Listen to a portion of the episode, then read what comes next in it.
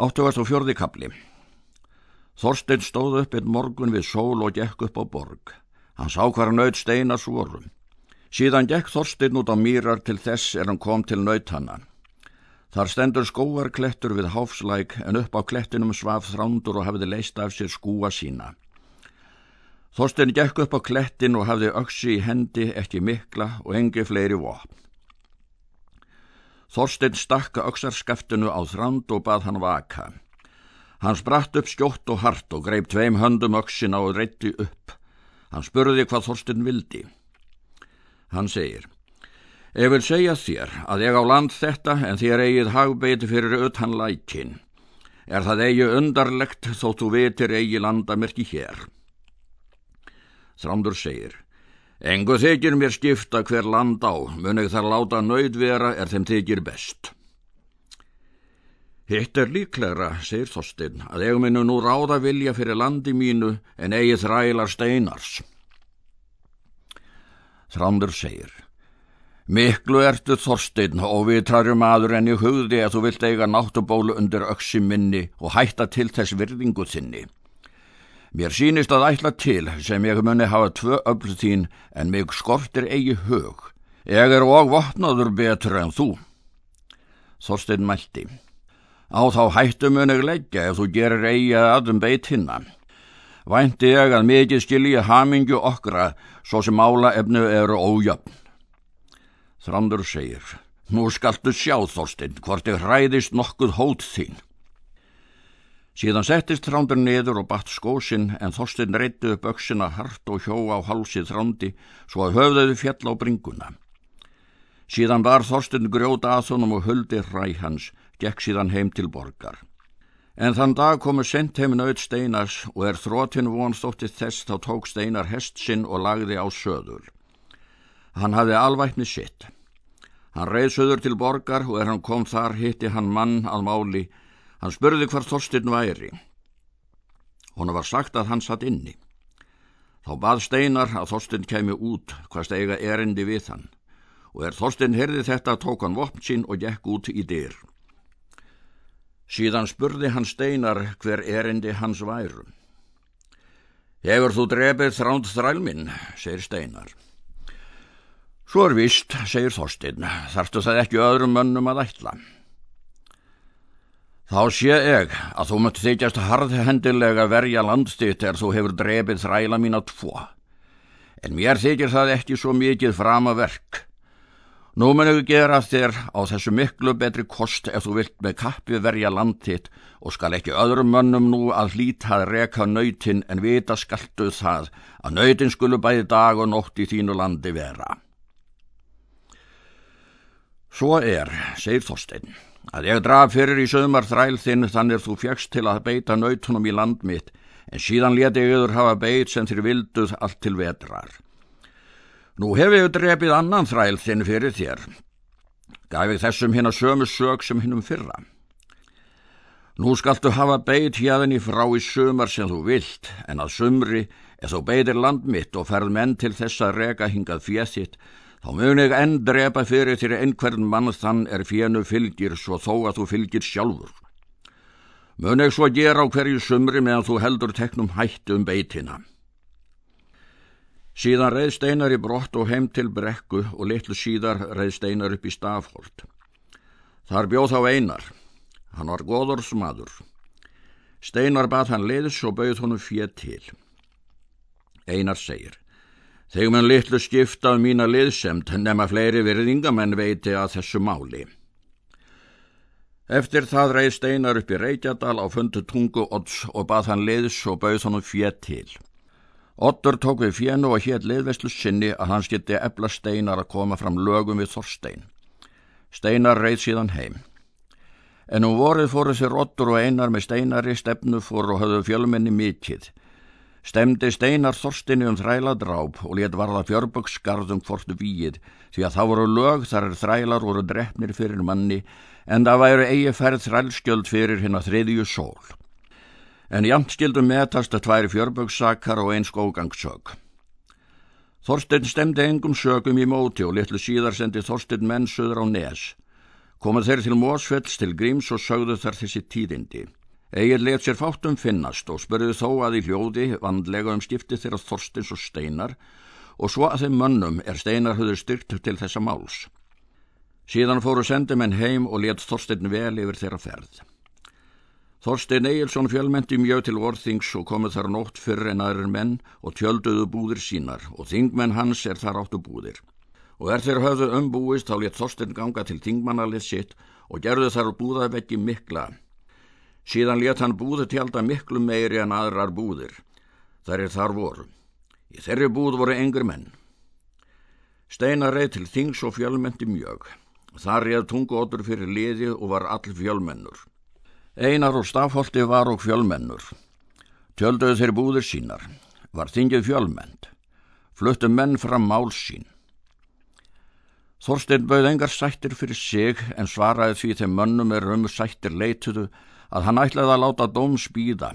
Sagði að honum þóttu má lítilsverð er steinar fór með um dráð þræla hans en taldi þræla steinas hafa nógar sakir til gert.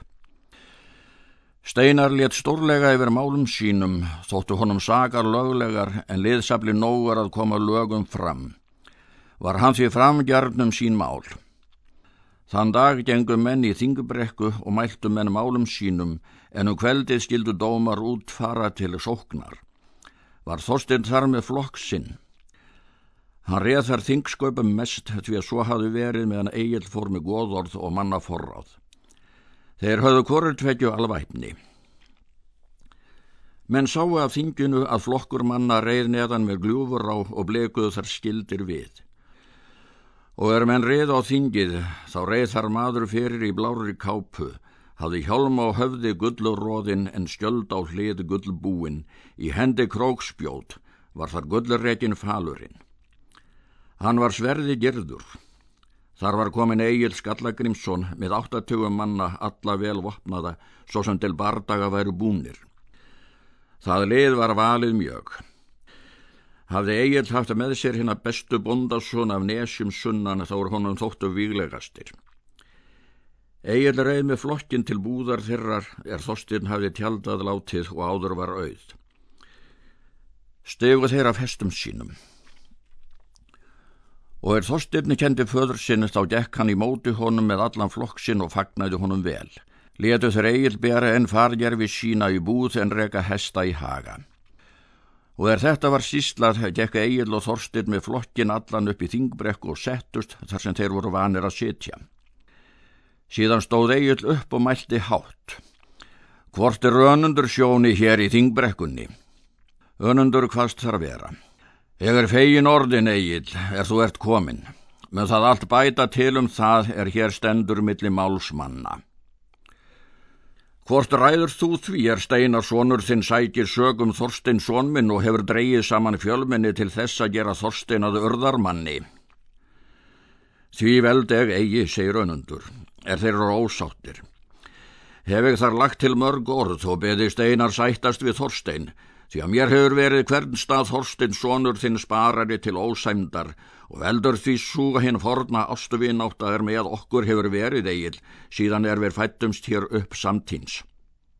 Sýnist mér það ráð meðan við erum á lífi og svo nær staddir deilu þeirra að við tökum mál þetta undir okkur og setjum niður en látum eigi þá tungu ott og eina rétja saman svonum okkurum sem kapalhestum.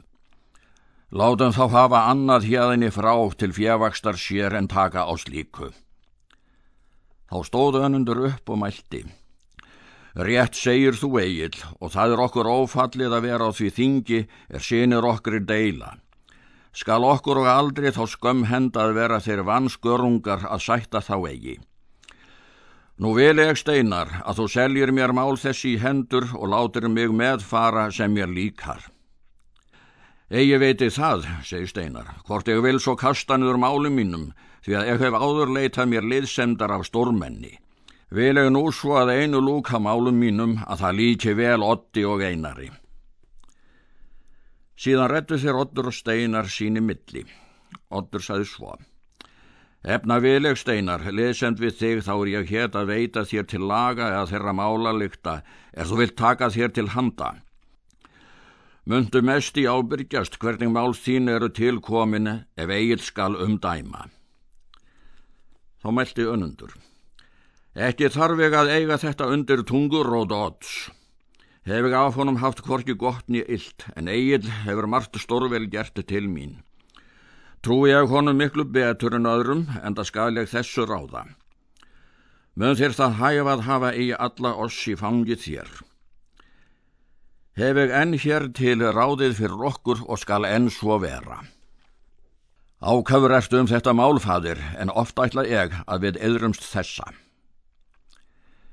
Síðan seldi Steinar í hendur önundi málið og skildi hann þá sætja eða sættast á svo sem lög kendu til. Og þegar er önundur réði fyrir málum þessum þá gekk hann til fundar við þá felga Þorstein og Egil. Þá mælti önundur. Nú vil ég, Egil, að þú skapir einn og stjerir um þessi mál, svo sem þú vilt, því ég trúi þér best til að skipa þessum mínum málum og öllum öðrum. Síðan tókust þeir önnundur og þorstirni í hendur og nefndu sér votta og þar með og votta nefnunni að Egil Skallagrimsson skildi einn gera um mál þessi svo sem hann vill, allt óskorað þar á þingi og laug svo þessum málum. Gengum menn svo heim til búða. Þorstein let leiða til búðar Egils þrjá og ykst og let högva til þingnests honum. Og er þeir tungu Ottur og Steinar komið heim til búðar þá mælti Ottur. Nú hefur þú Steinar og þið feðgar, ráðið fyrir lykt mála ykkara. Nú telst ég úr laus við þig Steinar um leðveslu þá er ég að hétt þér, því að svo var mælt með okkur, að ég skildi veita þér svo að þú kæmir málun þínum fram eða til þeirra lykta, er þeir hugnaðist hvernig sem þeir gefst sættargerð eigils.